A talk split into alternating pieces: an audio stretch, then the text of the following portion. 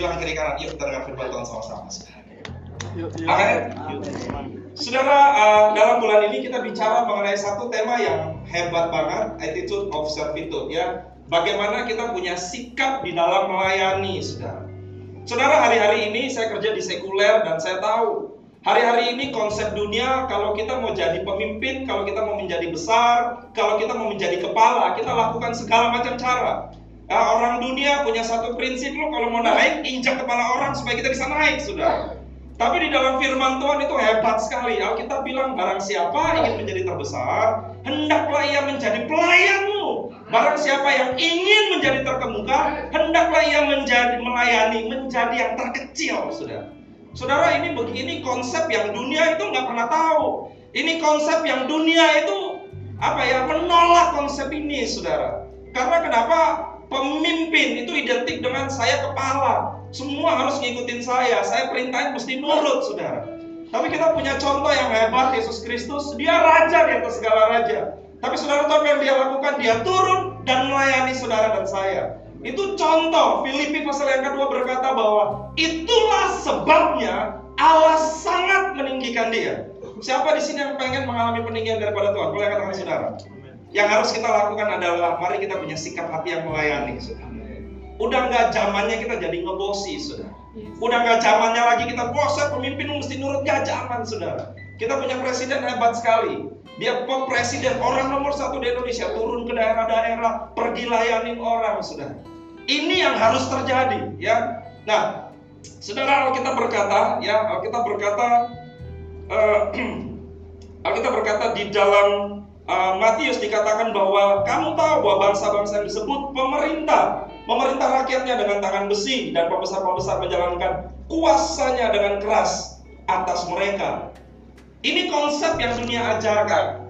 Kalau menjadi pemimpin ya kita harus keras, harus tangan besi. Kalau kita mau menjadi ayah yang ditakutin harus keras, harus tangan besi. Keliru. Mari kita belajar sama-sama. Saudara, coba kita buka satu ayat dulu ya. Kita buka di dalam kitab ulangan, saudara. Ulangan pasal yang ke-28 ayat yang ke-13. Ini ayat ini sangat-sangat menginspirasi dan merubah hidup saya. Kita ulangan pasal yang ke-28 ayatnya yang ke-13. Yang sudah dapat boleh bilang amin. Amin ya. Oke, saudara yuk kita baca sama-sama yuk ya. Kita baca sama-sama. 3 2 1 ya. Tuhan akan mengangkat engkau menjadi kepala dan bukan menjadi ekor. Engkau akan tetap naik dan bukan turun. Apabila engkau mendengarkan perintah Tuhan Allahmu yang kusampaikan pada hari ini kau lakukan dengan setia. Saudara perhatikan baik-baik. Menurut saudara yang angkat kita itu saya, kita atau Tuhan, saudara. Alkitab berkata jelas sekali Tuhan akan mengangkat engkau. Sekali lagi saya tanya, yang angkat hidup kita itu siapa? Tuhan. Tapi yang sering kali adalah kita berusaha dengan kekuatan kita untuk mengangkat diri kita. Kita berusaha dengan segenap kemampuan kita untuk naik, saudara. Kita berusaha dengan segenap hati kita, dengan kekuatan kita, dengan pengalaman kita, untuk mengalami yang namanya peninggian. Itu yang dunia ajarkan. Itu yang sering kali orang-orang lakukan. Tapi hari ini, saudara, kita harus tahu Tuhan itu sederhana sekali. Kita bilang, yang angkat engkau itu siapa, saudara? Tuhan. Amin. Yang angkat kita Tuhan. Jadi yuk mari hari ini kita mau belajar bagaimana kita mengalami peninggian, kita mengalami peningkatan, kita naik jadi kepala, kita mengalami yang namanya promosi, bukan dengan caranya kita, tapi dengan caranya siapa saudara? Tuhan. Banyak yang sudah kerja tapi frustrasi karena kok, kok saya nggak ngalamin peninggian sih, kok nggak saya nggak ngalamin promosi? Coba saudara cek, mungkin selama ini kita lakukan dengan kekuatan kita, kita berusaha untuk naik di dalam apa pelayanan semua kita lakukan, segala macam kita lakukan, segala macam kita kerjakan. Kita lakukan berdasarkan kemampuan pengalaman apa yang kita bisa. Gak heran banyak orang yang capek dalam hidupnya dia. Alkitab bilang sederhana, yang angkat kita siapa? Tuhan. Jadi apa yang harus kita lakukan? Tinggal nurut aja apa kata Tuhan. Amin ya. Tinggal ngikutin aja apa maunya Tuhan. Ini janji Tuhan iya dan amin. Alkitab bilang kamu akan naik jadi kepala, terus naik dan tidak turun. Kamu bukan diciptakan untuk jadi ekor. Itu memang sudah panggilan hidup kita, sudah. Yang paling penting hari ini yang harus kita lakukan adalah yuk kita belajar bagaimana mengalami banyak janji Tuhan dengan caranya Tuhan, bukan dengan caranya kita. Amin ya. Dengan caranya siapa? Tuhan. Hari-hari ini ada banyak orang stres dan frustrasi. Kemarin saya ikut seminar keluarga.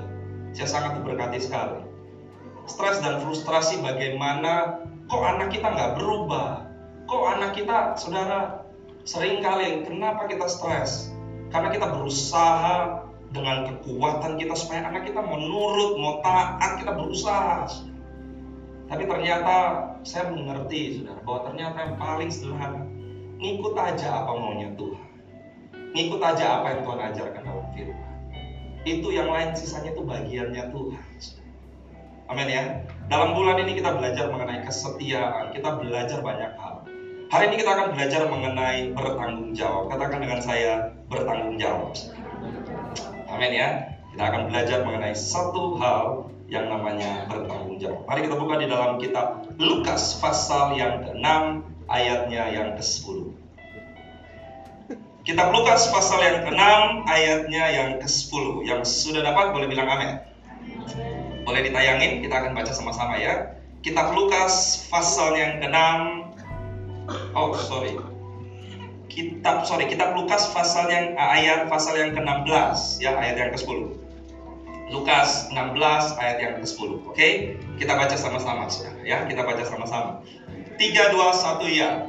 Barang siapa setia dalam perkara-perkara kecil, ia setia juga dalam perkara-perkara besar. Dan barang siapa tidak benar dalam perkara-perkara kecil, ia tidak benar juga dalam perkara-perkara yang besar. Saudara, kalau saya tanya, siapa di sini yang pengen perkara besar atau perkara kecil? Semua orang pasti pengen perkara besar, betul ya? Kalau saya tanya siapa yang pengen tanggung jawab besar atau tanggung jawab kecil, semua akan memilih saya mau tanggung jawab yang besar. Kalau saya tanya siapa yang ingin jadi pemimpin atau pengen jadi bawahan, semua pasti akan jawab pengen jadi pemimpin, betul ya?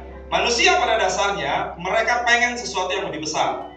Tapi hari ini firman Tuhan katakan dengan sederhana sudah. Sekarang saya tanya, siapa yang ingin dapat perkara besar, siapa yang ingin jadi kepala, siapa yang ingin jadi pemimpin? Boleh katakan sudah. Alkitab bilang, setiap perkara kecil. Seringkali kita pengen dapat sesuatu yang besar, tapi kita nggak pernah mau setia melakukan perkara-perkara yang kecil. Seringkali kita pengen menjadi pemimpin, tapi untuk melakukan hal yang sederhana dan yang kecil, sering kali kita nggak mau. Saudara boleh baca di seluruh Alkitab, di seluruh firman Tuhan. Saudara akan menemukan semua orang besar di dalam Alkitab sebelum diangkat menjadi kepala, sebelumnya mereka semua diuji Tuhan dengan hal-hal yang kecil. Saudara mau menyebutkan siapa saja, mau Yusuf, mau Daud, mau Yosua, siapa pun. Saudara, Yosua lah saya kasih contoh. Saudara, pernah nggak membayangkan kenapa Yosua yang dipilih menggantikan Musa? Ada jutaan orang-orang Israel pada saat itu. Alkitab nggak pernah bilang Yosua itu paling hebat dari seluruh pemimpin. Enggak. Israel punya 12 suku. Setiap suku itu ada jagoannya, ada orang hebatnya, ada pemimpinnya. Di bawah itu ada orang-orang hebat. Pernah nggak kita berpikir, kenapa sih Tuhan memilih justru Musa, justru Yosua, sudah? Saudara pernah ingat nggak ada satu ketika Musa naik ke gunung untuk menerima 10 hukum Tuhan? Ya, Saudara Musa di atas itu bukan sehari, dua hari, tiga hari, 40 hari sudah. Yang nemenin dia siapa? Yosua. Betul ya? Saudara tahu nggak apa yang Yosua lakukan? Dia setia nungguin Musa. Musa sebelum naik, Musa nggak bilang, eh saya naik ya, tungguin aja ya, mungkin seminggu dua minggu saya naik. Musa nggak bilang kayak lo tunggu di sini ya, ya kalau uh, saya nggak turun-turun dalam sebulan boleh pulang nggak? Musa cuma bilang tunggu aja di sini, udah, nggak ada instruksi lain. Saya orang yang paling nggak sabar nunggu. Jangankan nunggu 40 hari, nunggu 4 jam aja saya udah pulang. Buat saya menunggu itu adalah pekerjaan yang paling membosankan, apalagi nggak jelas sih nunggunya. Udah nunggu telepon, udah belum udah sampai di mana? Nggak bunyi-bunyi, nggak diangkat-angkat. Saudara boleh perhatiin, coba perhatikan. Yosua setia. Dia nunggu, dia bertanggung jawab. Kenapa? Karena dia tahu dia naik dengan pemimpin. Pemimpin nggak turun, dia nggak turun. Tanggung jawab, saudara. Tuhan melihat setiap orang bukan dari tanggung jawab yang besar. Alkitab berkata udah jelas, kalau kita bisa perkara kecil, pasti bisa perkara besar. Seringkali kita ubah cara berpikir kita. Kita berpikir, kasih aja saya perkara besar, pasti bisa. Jangan salah. Kenapa banyak orang gagal? Kenapa banyak orang frustrasi? Pengennya besar, gak pernah setia terhadap hal yang kecil. Begitu diberikan tanggung jawab yang besar, yang terjadi adalah apa? Stres, mundur. Itu yang terjadi. Saudara boleh menyebutkan siapa? Daud. Sebelum dia menjadi pemimpin hebat, saudara tahu dia memimpin dua tiga ekor domba, saudara. Tuhan melihat tanggung jawabnya dia. Bagaimana dengan dua, dengan tiga ekor aja, serigala aja dia hadapin. Alkitab berkata mulut harimau dirobek sama dia. Daud bukan orang hebat, tapi dia bertanggung jawab terhadap apa yang diberikan buat dia. Sekalipun korbannya adalah nyawanya sendiri. Kita nggak pernah memperhitungkan hal ini, tapi saya kasih tahu, Tuhan sangat memperhitungkan perkara-perkara kecil. Saya ingat pertama kali saya melayani, saya dat, uh, saya masuk dalam GKPB. Saudara, saya masih di Keramat waktu itu. Nyanyi suara pas-pasan, musik nggak bisa, nggak bisa ngapa-ngapain, saudara. Saudara tahu yang saya lakukan selama waktu itu? saya pulang paling terakhir dengan beberapa teman-teman saya kumpulin tuh kantong plastik saya kumpulin permen saya kumpulin. Gak ada yang perhatiin. Gak ada yang ucapin terima kasih. Gak ada yang bilang terima kasih ya dong gak ada. Tapi tahukah saudara bahwa Tuhan melihat itu sudah sering kali ketika kita melakukan hal yang kecil Saudara, saya mau kasih tahu, lebih sulit melakukan hal besar atau hal kecil? Saya kasih tahu, sebenarnya yang lebih sulit melakukan hal yang kecil. Kenapa? Hal yang kecil nggak diperhatiin orang. Saya khotbah diperhatikan orang. Tapi kalau saya pergi ke pinggir jalan ngomongin Injil buat satu orang, nggak ada yang perhatiin. Orang lebih senang mana? Lebih senang di depan, apa lebih senang pergi pinggir jalan? Contoh. Sering kali kita punya konsep, kita pengen sesuatu yang besar. Tadi saya udah tanya, siapa yang pengen jadi pemimpin? Siapa yang pengen terus naik? Siapa yang pengen jadi kepala? Kita semua angkat tangan. Hari ini, kalau saudara mau jadi pemimpin, saudara mau jadi kepala, saudara mau hidup, saudara mengalami peningkatan. Yuk kita setiap perkara yang kecil. Bertanggung jawab dengan hal yang kecil. Ketika kita dipercayakan sesuatu sama orang, yuk kita bertanggung jawab. Saudara saya bekerja dalam waktu dua atau dua tahun, saudara lima departemen itu dipercayakan ke saya sendiri. Yang tadinya tuh ada kepala-kepalanya. Dalam waktu dua tahun dipercayain. Kenapa? Saya ini orangnya oke-oke aja. Saya punya prinsip, saya nggak akan pernah bilang tidak sebelum saya coba. Jadi orang mau bilang, Pak Edo tolong kerjain ini ya. Walaupun saya pikir saya nggak sanggup, oke Pak, saya coba saya bukan orang teknik sipil. Satu kali ada satu proyek berhenti. Mau cari apa namanya kontraktor lain udah sulit karena pekerjaan udah setengah. Kontraktor biasanya nggak mau melanjutin, hitungannya ribet dan lain-lain sebagainya. Saudara direk, uh, direksi panggil saya dan dia bilang, uh, bukan direksi panggil saya, dia panggil pimpinan saya dan bilang, coba tanya Edo, dia mau nggak handle itu? Tapi cuma dalam waktu satu, uh, satu setengah bulan. Saudara itu proyek yang lumayan ribet, ngejelimet, nggak jelas. Saudara waktu dibilang begitu, saya bilang oke okay, sebentar. Saudara yang saya lakukan, saya berdoa, saya masuk ruangan saya dan saya berdoa, saya cuma bilang begini Tuhan, kalau memang Tuhan mau kasih tanggung jawab ke saya, saya cuma minta satu mampukan saya. Tapi kalau memang enggak, Tuhan yang jaga pimpinan saya supaya dia, ya yang bilang enggak itu bukan saya, tapi dia. Saya dipanggil. Waktu dipanggil, dia challenge. Saudara saya cuma jawab satu hal waktu itu. Saya bilang, Pak, Saya nggak bisa Pak. Tapi kalau Bapak percaya sama saya, saya mau coba. Tapi kalau memang saya fail di tengah jalan, ya saya mau minta maaf di depan. Tapi saya pasti akan berusaha keras. Nggak apa-apa. Singkat cerita satu bulan setengah, saya hanya menyelesaikan kurang eh, kurang dari satu bulan setengah, satu bulan lebih sedikit. Saudara itu proyek yang harusnya sekian ratus juta, jadinya tuh dalam setengah biayanya. Saudara yang harusnya apa namanya jadi A, saya kasih A plus B. Sesuatu yang extraordinary. Saudara langsung dibilang, udah mulai bulan depan kamu pegang departemen project. Saya tahu satu hal, kalau kita bertanggung jawab dengan hal yang kecil, saudara nggak usah khawatir. Saudara pasti dipercayakan hal yang besar. Satu kali saya di Pekanbaru, saya lagi kerja, tiba-tiba saya dipanggil di telepon. Ada direksi saya dari Jakarta datang, dan dia bilang, e, Pak Edo, diminta ketemu di salah satu restoran. saya datang, saya pikir, waduh, ini orang gak pernah manggil saya. Jadi direktur kita ada dua, satu direktur Jakarta, satu direktur di Pekanbaru. Saya pikir, waduh, saya mau dimarahin, saya bikin salah apa. Saya udah takut sekali. Waktu saya duduk, dia cuma bilang, makan, makan, makan, makan. Udah, kami cuma bertiga. Saudara waktu makan, dia cuma bilang begini, sesuatu yang gak pernah saya lupain. Dia bilang begini, dok, saya tahu kamu kerja sampai malam. Saya kaget, dalam saya orang tahu dari mana. Saya tahu kamu semalam pulang jam 3 ya, benar nggak? Iya Pak. Saudara ternyata saya tuh kalau kerja itu pakai HT ya, HT ya pakai HT. Nah dia itu suka monitor karena dia tinggalnya di hotel di situ. Saya kerja di mall, dia kerja di hotel. Jadi itu HT dionin sama dia. Jadi saya ngomong sampai malam jam 2, jam 3. Dia dengar, saya nggak pernah tahu dia dengerin itu. Saya nggak tahu.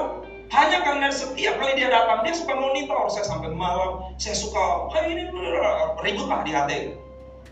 Akhirnya hari itu dia bilang, kamu pergi ke Jakarta, sekolah building manager. Itu pertama kali saya dipromosi jadi manager. Saudara saya kasih tahu, sering kali orang pengen melakukan hal yang besar. Tapi kita lupa bertanggung jawab dengan hal yang kecil. Peninggian itu tanggung jawabnya Tuhan, bukan tanggung jawabnya kita. Kalau kita berusaha naik dengan kekuatan kita adanya, kita jadi orang yang sombong, sudah. Tapi kalau kita naik dengan berharap dan tahu bahwa Tuhan yang angkat kita, hasilnya adalah ketika engkau duduk di puncak yang tertinggi, engkau ingat dari mana engkau berasal. Itu yang membuat Tuhan selalu berusaha kasih kita yang kecil. Kalau kita setia baru dia angkat. Hal yang kedua, dan barang siapa tidak benar dalam perkara-perkara kecil, ia tidak benar juga dalam perkara-perkara yang besar. Saudara bicara mengenai benar dan nggak benar, itu hal yang sederhana. Seringkali kita hidup benar kalau ada di gereja, di depan pemimpin, ada bos, ada kepala kita, baru kita, oh iya benar. Tapi ketika kita jauh, Gak ada yang memperhatikan kita. Yang kita lakukan apakah kita tetap benar di hadapan Tuhan atau enggak? Yang menilai kita itu Tuhan, saudara. Kenapa menilai kita Tuhan? Alkitab bilang, mata Tuhan ada di mana-mana. Mata bos kita terbatas. Mata pemimpin kita terbatas. Tapi mata Tuhan ada di mana-mana. Itu yang harus kita tahu. Saudara. Sehingga mari yuk kita kerja, kita melakukan sesuatu. Jangan dibatasi oleh ada bos, nggak ada bos di depan orang, di belakang orang, tempat ramai, tempat sepi. Tahulah satu hal, bahwa Tuhan ada di mana-mana. Dan kita bertanggung jawab itu buat Tuhan. Itulah sebabnya ada satu ayat yang begini. Apa pun yang kau lakukan, lakukanlah dengan segenap hatimu seperti untuk Tuhan. Itu kunci, sudah. Kalau saudara mau naik, jangan saudara lakukan di depan mata Pak Yeye atau di depan mata pemimpin di kantor. Lakukan aja segenap hati. Tuhan yang akan angkat. Alkitab bilang di dalam kitab ulangan, Tuhan yang akan mengangkat engkau. Titik. Udah. Sederhana. Gak usah stres. Gak usah pusing, gak usah bingung. Kok saya nggak naik-naik? Kok saya nggak dipromosi-promosi? Kok saya begini-begini aja? Tenang aja. Amin. Alkitab bilang, kalau kita benar hal yang kecil, kita pasti benar hal yang besar. Ada satu pepatah bilang angin di atas itu lebih keras daripada angin di bawah. Tuhan itu baik sekali, saudara. Kenapa dia nggak mau langsung angkat kita? Dia nggak mau kita jatuh dari puncak sakit, saudara. Kalau mau jatuh ya masih di bawah-bawah jatuh boleh lah. Paling lecet-lecet dikit. Jangan kita jatuh di atas. Saudara tahu kenapa jangan jatuh di atas?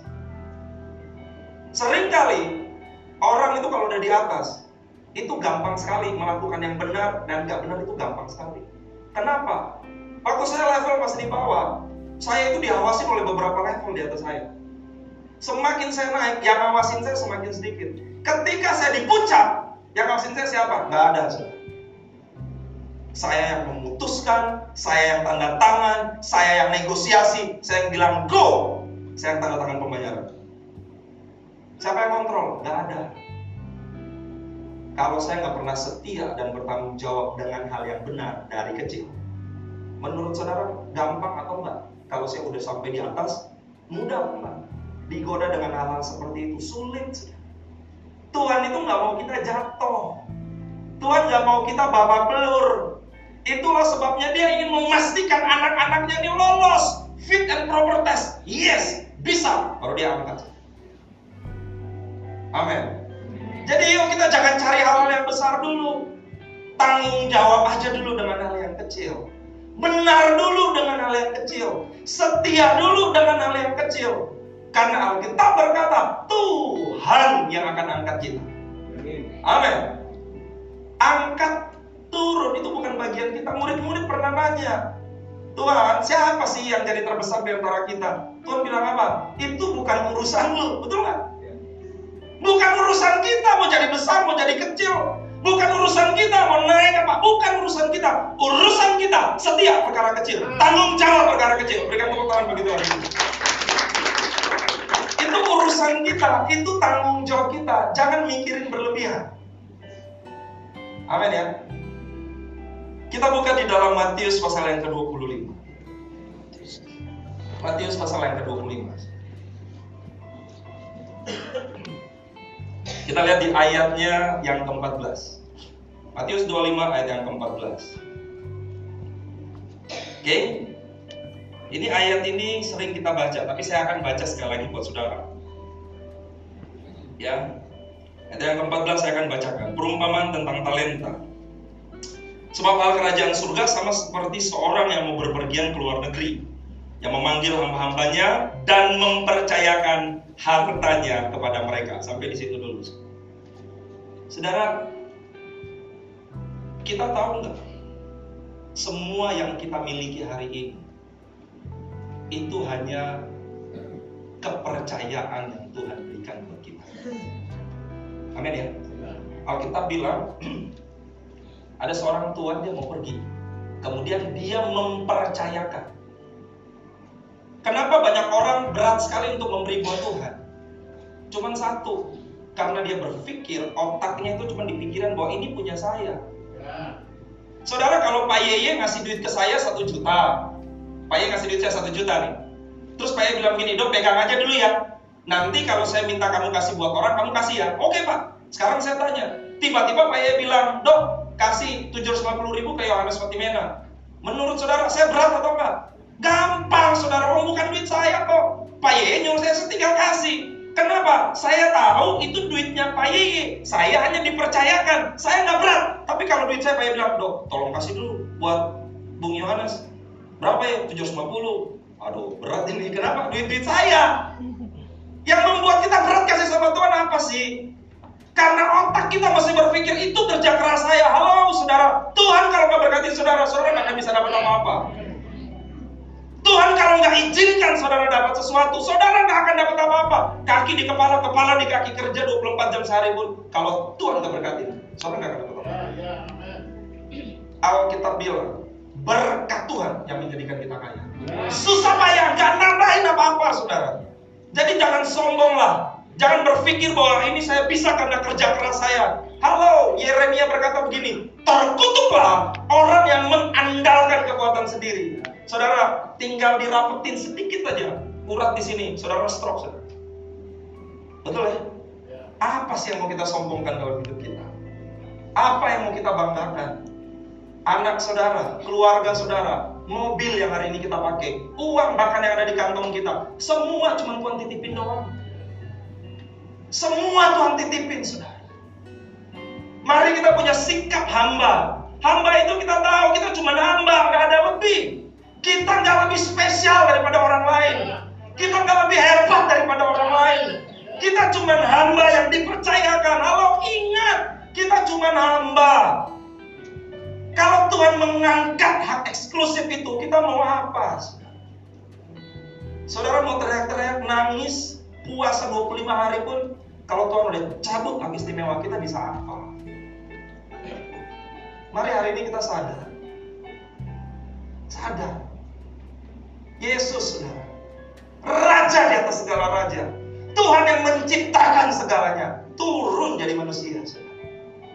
Melayani setiap orang. Dia tinggalin semua kesom apa apa uh, pride-nya, semua apa yang orang-orang banggakan, status raja, status king, ditinggalin. Melayani. Alkitab berkata menjadi sama dengan manusia. Itulah sebabnya Allah sangat meninggikan dia. Setiap kali saya baca ayat ini, saya bertobat. Saya bilang Tuhan ampuni saya. Saya masih merasa pengen dihargai. Saya masih pengen merasa kalau saya lakukan sesuatu. Hati kecil tuh masih pengen bilang, kok ada yang ngucapin terima kasih. Saya minta ampun, saya bilang Tuhan serampun, saya kali masih ada sombong. Tapi ketika saya sadar, semua yang saudara miliki hari ini, semua. Saudara tahu yang paling berharga dalam hidup kita Kesehatan. Itu pun anugerah Tuhan. Mari kita punya sikap hati hamba. Hamba apa sih? Kita menyenangkan hati Tuhan kita. Menyenangkan hati Tuhan kita. Gak ada yang lain. Saudara mau tahu caranya menyenangkan hati Tuhan kita? Hari ini kita akan belajar bertanggung jawab. Ya, kita baca. Yang seorang diberikan lima talenta, yang seorang lagi dua, dan seorang lain lagi satu, masing-masing menurut kesanggupan. Ada di sini yang pernah melihat kok si A dapat sesuatu yang lebih dan ada sedikit iri hati. Ada orang mungkin yang melihat, oh kok dia dapat satu, saya dapat lima, ada sedikit kesombongan. Ada nggak di antara kita yang seperti itu? Kalau ada, mari kita bertobat sama-sama. Alkitab berkata Tuhan itu nggak pernah pilih kasih, saudara.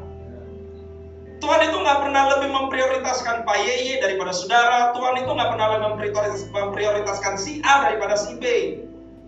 Enggak. Alkitab berkata, ayat yang bosan kita baca, diberikannya masing-masing menurut kesanggupannya. Pertanyaan saya, apakah yang satu lebih hebat daripada yang lima? Enggak. Apakah yang lima lebih banyak? Enggak juga. Kalau saudara baca di dalam ayat ini, orang yang setia, orang yang bertanggung jawab, apa yang terjadi? Tuhan menganugerahkan lagi talentanya. Jadi kalau hari ini ada yang cuma punya satu talenta, jangan bilang Tuhan kok nggak adil. Jangan saudara. Justru bersyukurlah karena kau diberikan satu talenta. Karena untuk saat ini itulah kesanggupanmu. Untuk saat ini itulah kemampuanmu. Kalau Tuhan kasih kau lima, kau sombong. Kalau Tuhan kasih kau sepuluh, kau tinggi hati. Kalau Tuhan kasih kau dua puluh, kau akan murtad, saudara. Bersyukurlah kalau hari ini kau cuma dapat satu. Tapi ingat, satu bukan berarti terkecil. Karena kalau kau bertanggung jawab, Alkitab berkata, Tuhan menambahkan. 15-20 tahun tempat ini jadi sejarah, sudah. Saya, Yohanes, teman-teman yang lain. Wah, gak ada kerjaannya, saudara. Ya, bang, ya? Gak ada kerjaan. Dari hari Jumat udah nginep di sini. Kenapa? Besok mau pelayanan. Sabtu Minggu udah nggak pulang rumah. Minggu malam nginep udah pasti minggu malam nginep apalagi kalau Bung Yohanes lagi pelayanan di luar oh pasti nunggu-nunggu gitu deh nunggu-nunggu karena biasanya tuh minggu malam itu kita makan enak biasanya sudah Wah ini orang yang baik hati sekali sudah ya. Kita nunggu-nunggu sudah. Jadi pulang hari Senin, ya minggu malam tuh pasti makan. Saudara ada saya, saya ingat ada banyak lah, Steven, banyak lah. Saudara kami 20 tahun lalu tuh betul-betul sampai ada satu anak bung waktu itu bilang begini, cewek bilang begini saudara. Saya kalau suatu saat menikah, saya nggak mau menikah dengan orang-orang ini. Sombong kali itu cewek. Hari ini nyesel dia pernah ngomong begitu ya saudara ya. Nyesel dia pernah ngomong begitu. Wah, hari ini dia bilang, aduh, seandainya kalau boleh ulangi waktu, pengen menikah itu orang-orang yang dulu-dulu begitu. Saudara tahu kenapa kami bisa begini? Cuma satu, kami ingat kami diajarin baik juga. Kami bertanggung jawab dengan apa yang diberikan. Dikasih satu tanggung jawab, kami lakukan. Kami setia. Itu cuma modal kami. Kita nggak bisa apa-apa. Ngomong kayak begini, itu anugerah dan keajaiban Tuhan, saudara. Dulu itu nggak bisa apa-apa sama sekali. Bisanya ngintilin aja, payah ke mana ngikutin aja. Payah pelayanan kita dengerin. Sambil kita berdoa Tuhan suatu saat pengen nih kayak begini nih. Pengen suatu saat bisa nih khotbah kayak begini nih pengen. Tapi cuma bisa ngapain? Ngarep doang. Tapi kami tahu satu hal, janji Tuhan ya dan amin. Kalau dia janji dia pasti tepatin. Kami setia, kami bertanggung jawab, kami benar dengan hal yang kecil. Kami lakukan perkara-perkara yang kecil. Dan sampai hari ini saudara lihat. Saudara lihat. 80% lah saya bilang. Semua orang yang dulu yang tadi ditunjuk-tunjuk itu. Hari ini saudara. Dengan anugerah Tuhan, kami boleh berdiri dan kami bilang, semua itu karena kamu. Jadi mari kita ingat, Alkitab bilang, Tuhan yang mempercayakan itu. Itu sikap seorang hamba. Hamba itu apa yang bisa kita sombongin sih, sudah? Apa sih yang bisa kita banggain? Gak ada. Saudara ingat, Tuhan tutup aja nafas hidup kita. Inna ilahi wa inna ilahi rajiun lah kita. Benar. Amin. Kita baca ayat berikutnya. Dikatakan hamba yang menerima Oke, okay, ayat yang ke-17. Hamba yang menerima dua talenta itu pun berbuat Oh, sorry, dari ayat yang ke-16. Segera pergi hamba. Hamba yang menerima lima talenta itu, ia menjalankan uang itu lalu beroleh laba lima talenta. Hamba yang menerima dua talenta juga berbuat demikian juga dan berlaba dua talenta. Tetapi hamba yang menerima satu talenta itu pergi dan menggali lubang di dalam tanah lalu menyembunyikannya uang tuannya. Lalu lama sesudah itu pulanglah hamba, Tuhan hamba-hamba itu lalu mengadakan perhitungan dengan mereka. Saudara yang dikasihi Tuhan. Apa yang kita punya hari ini itu cuma anugerah Tuhan. Kapan pun Tuhan mau ambil, seperti kata Ayub, Tuhan yang memberi, Tuhan yang mengambil. Terpujilah.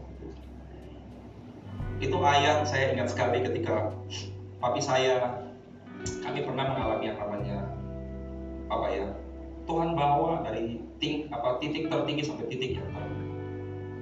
Dari punya segala-galanya sampai nggak punya apa-apa. Saya ingat satu kali di keramat, kami mau beri persembahan saja. Itu kolekan, saudara. Semua tuh kakak beradik kumpul, kolekan. Saudara yang terkumpul itu cuma uang-uang logam. Memang nggak punya apa-apa lagi. Saya masih ingat. Saya masih ingat karena yang duduk samping papi saya itu saya Saudara, kami saya masukin tangan. Tuhan, saya nggak punya apa-apa. Tapi yang saya punya cuma hidup saya. Yang saya punya cuma keluarga ini. Saya mau serahkan mereka semua ke dalam tangan Tuhan. Saudara, Alkitab berkata, dengan telanjang aku turun ke dunia. Emang saudara balik, saudara bawa harta kita enggak. Amin. Kita tuh nggak punya apa-apa. Jadi hari ini yuk kita memiliki mentalitas pertama, ingat kita ini orang seorang hamba. Ciri khas seorang hamba itu adalah dia mau melayani, dia mau berkorban. Hari ini udah kita hilangkan lah, mau kita status sosial apa pun, kepercayaan apa pun yang diberikan buat kita, yuk kita layani semua. Karena kenapa? Karena yang melihat kita itu Tuhan. Amin. Kita diuji bukan pada saat ramai, kita diuji justru pada saat sepi. Tuhan melihat hati kita bukan ketika kita bisa berdiri di panggung, justru Tuhan melihat hati kita ketika kita nggak punya apa-apa sama sekali. Di situ Tuhan lihat. Dan saudara harus ingat dan kita harus tahu bahwa yang mengangkat kita itu Tuhan. Jadi apa sih yang bisa kita lakukan? Gak ada. Yang bisa kita lakukan adalah, yuk hari ini, yuk kita setia. Lakukan apa yang Tuhan mau, bertanggung jawab dengan hari ini apa yang Tuhan percayakan. Hamba yang punya lima talenta, hamba yang punya dua talenta, ngerti banget hal itu. Ketika dia dipercayakan sesuatu, yang dia lakukan adalah dia bertanggung jawab.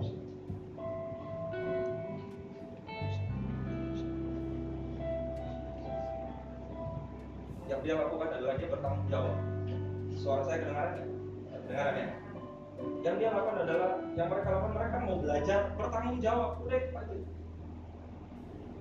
Saudara, Tuhan paling menghargai orang yang bertanggung jawab. Saudara tahu penghargaan yang Tuhan berikan itu dua. Yang pertama, Tuhan berkata bahwa orang yang bertanggung jawab Tuhan akan berkata, hamba itu yang baik dan setia. Orang yang bertanggung jawab Tuhan akan selalu bilang itu. Inilah hambaku yang baik dan setia. Gak cukup sampai di situ saudara. Alkitab berkata apa? Marilah turutlah dalam kebahagiaan Tuhanmu. Saudara, itu yang indah. Privilege. Kehormatan. Saudara, saya pernah tinggal di Bali. Saya tinggal di satu keluarga pendeta top di Bali. Mereka itu punya kasta. Yang paling tinggi itu Brahma. Itu pendeta-pendeta. Dan orang yang kasta di bawah, jangankan duduk makan apa namanya, jangankan makan bareng, semeja sama mereka pun nggak boleh. Karena memang udah seperti itu. Saya ini nggak ada turunan Brahmanya. Saya turunan Ambon tapi anak raja itu segala raja, saudara. Saudara tahu satu kali saya itu diajak makan sama mereka sampai semua orang yang datang ratusan orang bingung. Karena mereka tahu pendeta ini tuh anaknya tuh cuma tiga cowoknya satu. Kok ada satu orang nih? Waktu ditanya pas siapa? Itu bapak angkat saya bilang begini oh ini anak angkat saya ini anak saya yang bilang ini anak saya kenalin Udah saudara waktu dia bilang begitu rasanya saya ini gagah banget saudara wah kayaknya gagah gitu saudara kenapa Orang mau datang ke dia, sujud-sujud dulu. Orang Bali begitu. Bawa persembahan, bawa persembahan dulu baru salaman sama dia, baru jalan. Ngeri bener. Saya duduk, makan sepiring. Ngomong, minta yang banyak ambil. Makan, ambil, makan. Saudara perhatiin, untuk orang seperti itu aja ada kebanggaan. Ya? Apalagi kita, orang yang biasa diangkat sama Tuhan duduk makan semeja dengan dia, diberikan privilege, diberikan anugerah, diberikan segala-galanya. Gak ada yang lebih hebat dari itu. Amin. Kita berikan tepuk tangan bagi Amin. Gak ada yang lebih hebat. Itu yang hari ini Tuhan berkata, kalau kita bertanggung jawab, kalau kita setia, Tuhan bilang apa? Tuh, makan dalam kebahagiaan Tuhan. Saudara kalau dia udah bilang begitu, saudara nggak usah khawatir anak saudara. Saudara nggak usah khawatir keturunan saudara. Saudara nggak usah khawatir masa depan saudara. Saudara nggak usah khawatir apa pun. Kalau raja udah ngomong begitu, artinya masa depanmu dijamin. Semua kebutuhanmu dia jamin. Itu prinsip kerajaan. Saudara baca Daud Pernah satu kali dia bilang, udah ini anak boleh makan semeja dengan saya. Saudara, dia cuma bilang boleh makan semeja, tapi saudara tahu itu artinya buat seluruh orang di bawah Daud. Artinya, ini orang nggak boleh diapa-apain, ini orang harus dijaga, semua kebutuhan dia harus dipenuhi, dia jalan ke mana mesti dikawal, apa pun yang dia mau harus diberikan. Hanya karena Daud bilang sini, makan semeja dengan saya. Kalau raja udah ngomong, masuklah dalam kebahagiaan Tuhan, makan semeja dengan raja apa yang saudara lakukan? Anak saudara, pekerjaan saudara, gak usah khawatir. Tuhan pasti akan beri. Kuncinya cuma satu, yuk bertanggung jawab. Dengan hal apa? Hal-hal yang kecil, hal-hal yang sederhana. Kalau kau dipercayakan menjadi seorang pemimpin besar, naik turun maju mundur nggak salah, udah setia aja, bertanggung jawab aja. Kalau kau diberikan kepercayaan hari ini, apa pun kepercayaan itu, bertanggung jawab aja. Gak diberikan pujian, gak apa-apa.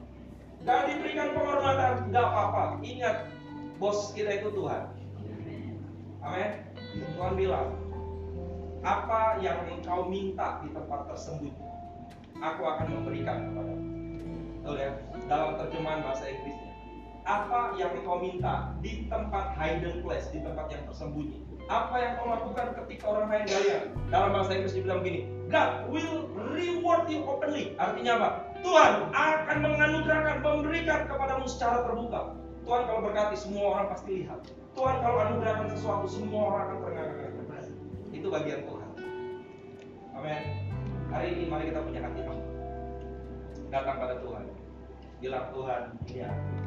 Aku mau belajar setia aku nggak mau ngeliatin orang lain. Aku nggak mau iri hati. Aku nggak mau sombong. Kalau hari ini aku belum mendapatkan sesuatu aku sadar mungkin aku harus lebih bertanggung jawab kalau hari ini aku biasa-biasa aja aku mau lebih sungguh-sungguh lagi. Ingat ulangan 28 Tuhan yang akan mengangkat kita. Ini musik boleh maju depan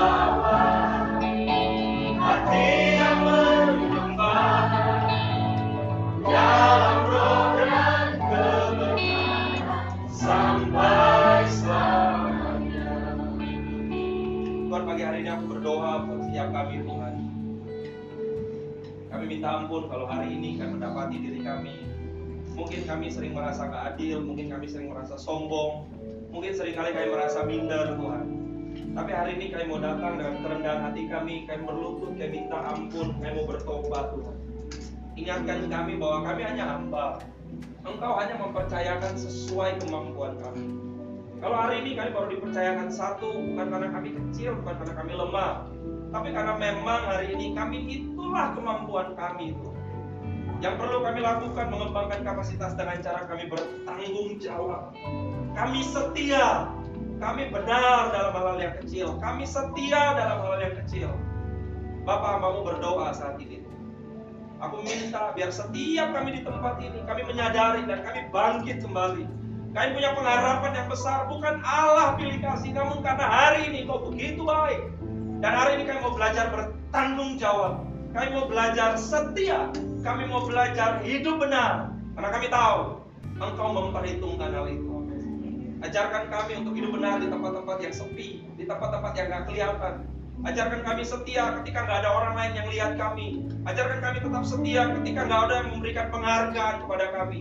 Ajarkan kepada kami Tuhan untuk kami belajar itu semua. Kami percaya Tuhan yang akan mengangkat kami. Kami percaya Tuhan yang akan mempromosikan kami. Kami percaya. Itulah sebabnya hari ini kami mau katakan. Tuhan yang tolong hidup kami. Ya hidup kami boleh terus jadi berkat bagi banyak orang. Hambamu boleh selesai menyampaikan firman Tuhan. Berdoa biar roh Allah terus bicara atas setiap kami.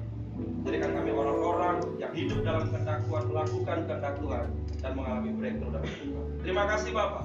Dalam nama Yesus kami berdoa. Haleluya. Semua sama-sama katakan.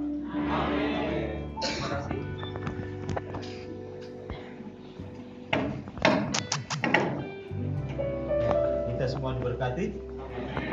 Firman